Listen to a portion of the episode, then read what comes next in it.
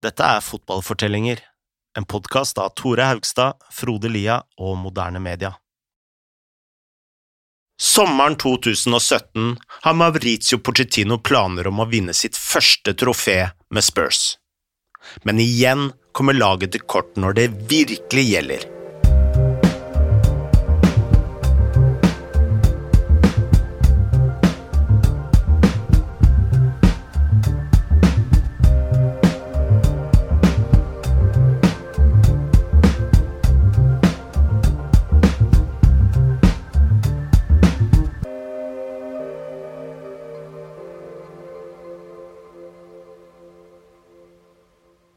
Den neste sesongen ble vanskelig for Pochettino av flere grunner. Siden White Hart Lane nå skulle rives og bygges opp igjen, måtte Spurs spille alle kamper på Wembley. De henta også inn Davinson Sanchez, Lucas Mora, Serge Aurier, Fernando Llorente. Og vi overdrever vel ikke ved å si at verden har sett bedre overgangsvinduer enn dette. I tillegg mista de Kyle Walker til City, som tok 100 poeng under Guardiola, og plutselig hadde standarden i tittelkampen blitt hevet med flere hakk. Men det etterlot fortsatt tre cuper som Tottenham kunne vinne. Og her hadde de ingen unnskyldninger. I ligacupen tapte de hjemme mot Westham, og i FA-cupen tapte de i semien mot Manchester United, selv om de hadde tatt ledelsen. Utrolig nok var dette Tottenhams åttende strake tap i en semifinale i FA-cupen, men det verste nederlaget den sesongen kom i Champions League.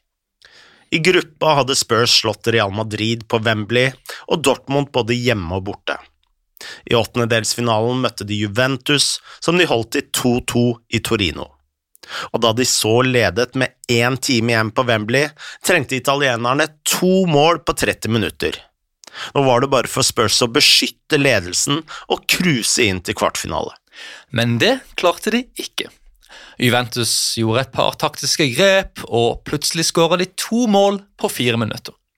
Så klart kom de aldri til å slippe inn igjen etter det, og Spurs ble sendt hjem av et lag de absolutt burde slått. Etter kampen ble Giorgio Chiellini spurt om hva i alle dager som hadde skjedd, og da sa han de berømte ordene It's the history of the Tottenham. They always create so many shots and score so much, but at the end, they miss always something to arrive at the end.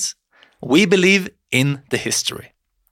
Disse sitatene gikk viralt som klipp, giffer og memes. For mange hadde Kelini satt ord på svakheten med Spurs. At de aldri er helt klare. At de mangler vinnerkultur, og at de hele tiden bare er nesten. Men var dette et fair poeng om Pochettinos lag? I think it was Alex Ferguson used to have that phrase, didn't he? Lads, it's Tottenham. And the idea would be that when put under pressure, Spurs might might wilt. But I think Pochettino kind of shirked that. Spurs became a a side that scored late goals all the time. Like it, it could get to 85 minutes, you still thought Spurs were going to score. Where Spurs kind of came up short in that era, I think definitely those FA Cup games. Um, and there was a feeling, I think, around the fan base that Spurs were prioritising being an elite Premier League side. And there's lots of quotes from Pochettino at the time talking about what he deemed success to be. So he always felt that winning the Premier League and winning the Champions League was was the thing. And I certainly felt as a fan that I wanted Spurs to be challenging for the Champions League and the Premier League. And I didn't really mind about the League Cup. Um, and actually, the the FA Cup semi-finals don't hurt as much as the losing to Juventus in the Champions League, which was actually really that would be the one where you go back and you say, yeah, we got that wrong. Like Spurs were a much better side than Juventus at the time and had had the quality to to beat Juventus, particularly at home, and and, and should really have done. Well, Spurs did dominate the game, and I think there was just a, a, a couple of tactical switches that Pochettino didn't catch up with. Dette førte Ben til en liten gjennomgang av hva Pochettino kunne gjort bedre i Spurs. Often he was quite slow with substitutions. Like he really believed in his way of playing, and it served him so well because everyone bought into the philosophy.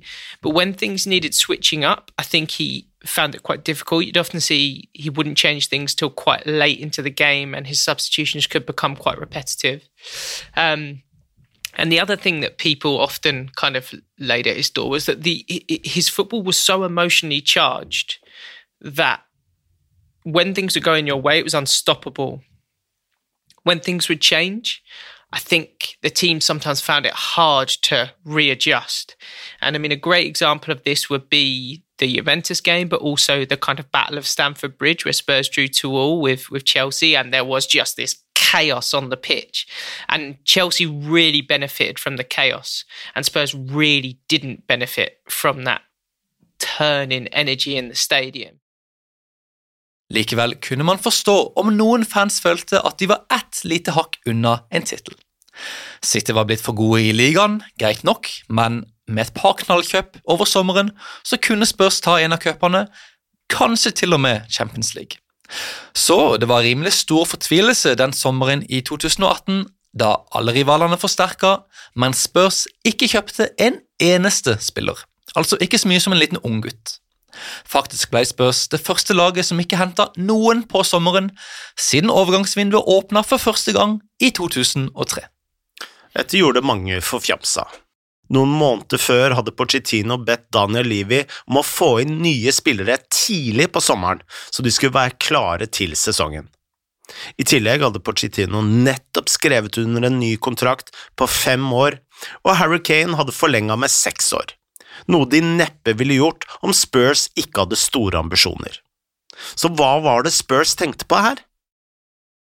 I remember the reporting at the time was that he was very specific about the players that he wanted, and he would rather not bring in a player that he just felt was like he felt wasn't a good fit it, just to have the body he would he would say he would, if we can't get the player that I want I don't want want them. And that was, or that at least that was the reporting at the time.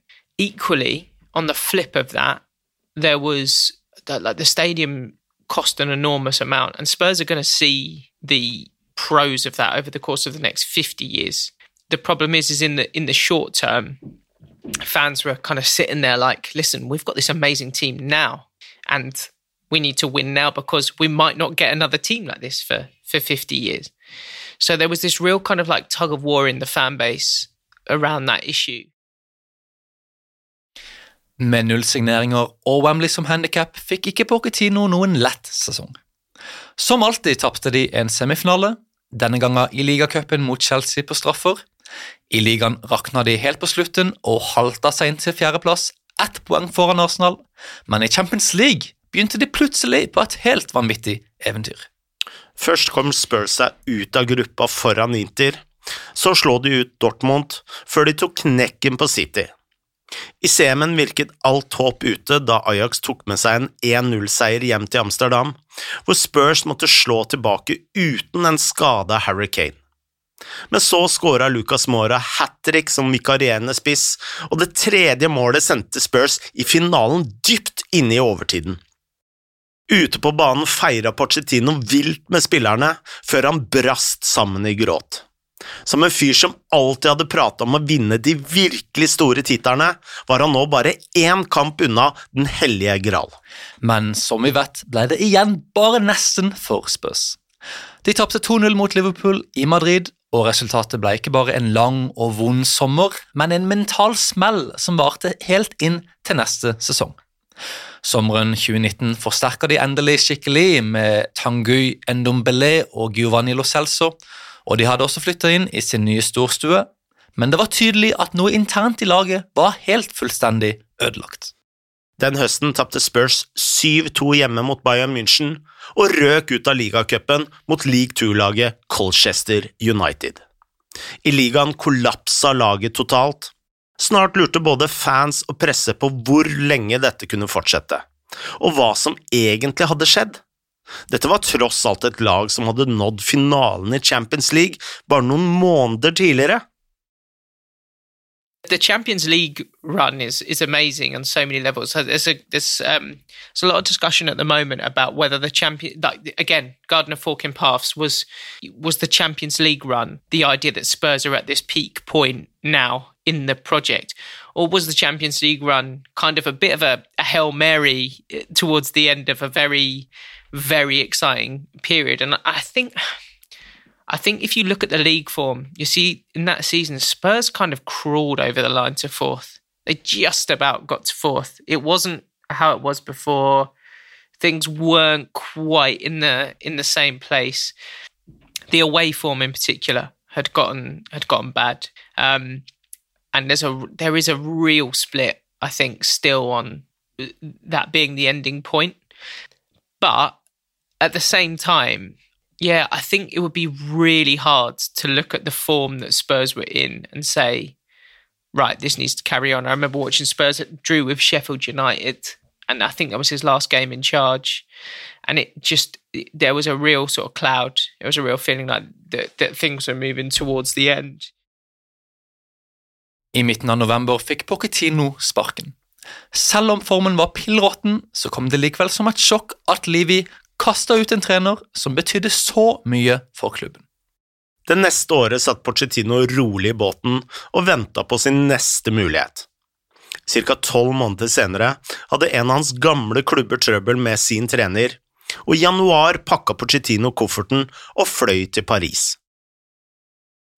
I Paris Saint-Germain var det som vanlig borgerkrig og dårlig stemning. Thomas Tuchel hadde ført det til Champions League-finalen sommeren 2020, men så begynte han å krangle med sportsdirektøren Leonardo. Leonardo hadde latt Edinson Cavani og Thiago Silva forlate Paris gratis, og så brukt budsjettet på å hente Mauro Icardi permanent. Dette satte sinnet i kok hos Tuchel, som heller ville ha en ny midtbane, og da PSG snubla ut av startblokkene, sa Tuchel til pressen at han hadde mista for mange stjerner, og at forventningene til laget burde bli dempa. Dette var ikke populært verken hos eierne eller Leonardo. Leonardo sa at han ikke likte Tuchels uttalelser, og at han måtte respektere den sportslige strategien om han ville bli værende. Den 25. desember fikk tyskeren sparken. En historie fra Tuchels tid viser hvor vanskelig PSG var å trene. I februar sesongen før hadde de tapt borte mot Dortmund i Champions League, og bare to dager senere hadde en rekke av stjernene dratt i gang en bursdagsfest i regi av Cavani, Icardi og Angel Di Maria. De hadde leid et palass i Paris, hvor Mbappé vikarierte som DJ, og Neymar dansa rundt i bar overkropp.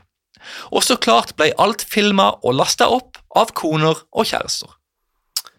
Et annet dårlig tegn var at tre av de fire trenerne som hadde vært der før Pochettino hadde vunnet europeiske titler med andre lag, men ikke med PSG. I Tottenham hadde Pochettino bygget opp et lag som presset høyt med sultne spillere fra akademiet under en gjerrig eier. Nå skulle han ta over et lag som bare kjøpte etablerte stjerner, hvor spissene løp lite, og hvor eierne skrev ut sjekker i øst og vest. Ansettelsen ble omtalt som en gjenforening, men PSG var jo en helt annen klubb nå enn da Pochettino hadde spilt der sjøl. Det første halvåret var ikke spesielt bra. Pochettino klarte å havne på andreplass i ligaen, ett poeng bak Lill, og selv om han vant cupen, så trengte PSG straffer for å slå Montpellier i semien. Og i Champions League fikk de bank av City i semifinalen. Sommeren 2021 ble Pochettino bortskjemt med det mange trodde var tidenes overgangsvindu, da PSG henta Messi, Arjan Hakimi, Sergio Ramos, Gini Vinaldium og Gigi Donnarumma. Men Pochettino slet med å sette stjernene sammen til et skikkelig lag. Det ble ikke akkurat et intenst press når Messi, Neymar og Mbappe spilte sammen. Det var for mange egoer som sloss om rampelyset, og Pochettino fikk heller ikke autoriteten som skulle til for å innføre skikkelig disiplin. To ganger ville han gå hardt ut mot en spiller som hadde brutt interne regler, før han ble beordret om å la saken ligge. Det hjalp heller ikke at Pochettino sleit med fransken. Han sa veldig lite i pressekonferansene og var generelt veldig forsiktig når han ble spurt om noe. Visstnok var det også emiren av Qatar som hadde ønska seg Pochettino, og ikke Leonardo, noe som igjen førte til et anspent forhold mellom trener og sportsdirektør. Og på toppen av det hele så sleit Messi veldig i sin første sesong i Paris. Selv med så mange problemer vant PSG ligaen. Men de røyk ut av cupen, en turnering de hadde vunnet seks ganger på syv år, og ble sendt ut av Real Madrid i Champions League. Mot slutten av sesongen sa president Nasser Al-Khalaifi at PSG prata med NIS om å ansette Christophe Galtier, selv om Pochettino fortsatt var trener.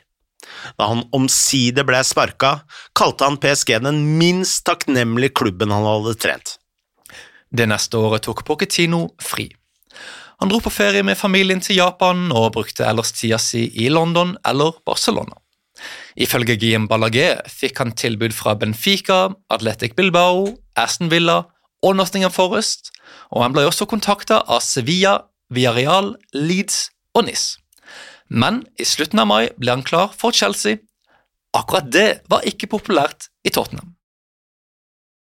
Spurs' biggest rivalry during Pochettino's time at the club was with Chelsea, without question. Like it was that that Spurs side and that Chelsea side during that period. It, Arsenal were kind of in the rearview mirror to some extent because of what they were going through. They were going through their own their own turmoil, um, and were really trying to rediscover their identity and really trying to rediscover who they are as a club. And so Spurs and Chelsea really did not get on. And I mean, the Battle of Stamford Bridge was a was a prime example of that.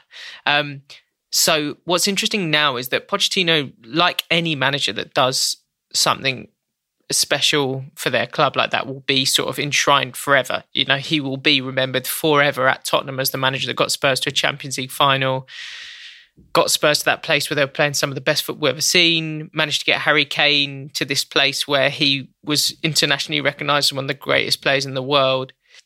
But I think right now, while it's still super fresh, the feeling is not great towards Pochettino in terms of him going to a very serious rival um, and and a team that Spurs fans still have a, a large kind of I don't know what the word a, a, resentment towards from that period. You know, Spurs and Chelsea had always been sort of rivals to some extent. That period made the rivalry what it is, and so for for kind of for Spurs fans now, I think they probably look at it through a very different lens to what they did six months ago. Chelsea er en ny sjanse for Pochettino til å vise hva han kan. Denne gangen har han en stall stappet med unge spillere og eiere som nesten er for glad i å bruke penger. I PSG fikk han aldri makten til å stenge døra og gjøre ting på sin måte. Nå må Chelsea-fansen håpe at Pochettino igjen vil få muligheten til å være seg selv.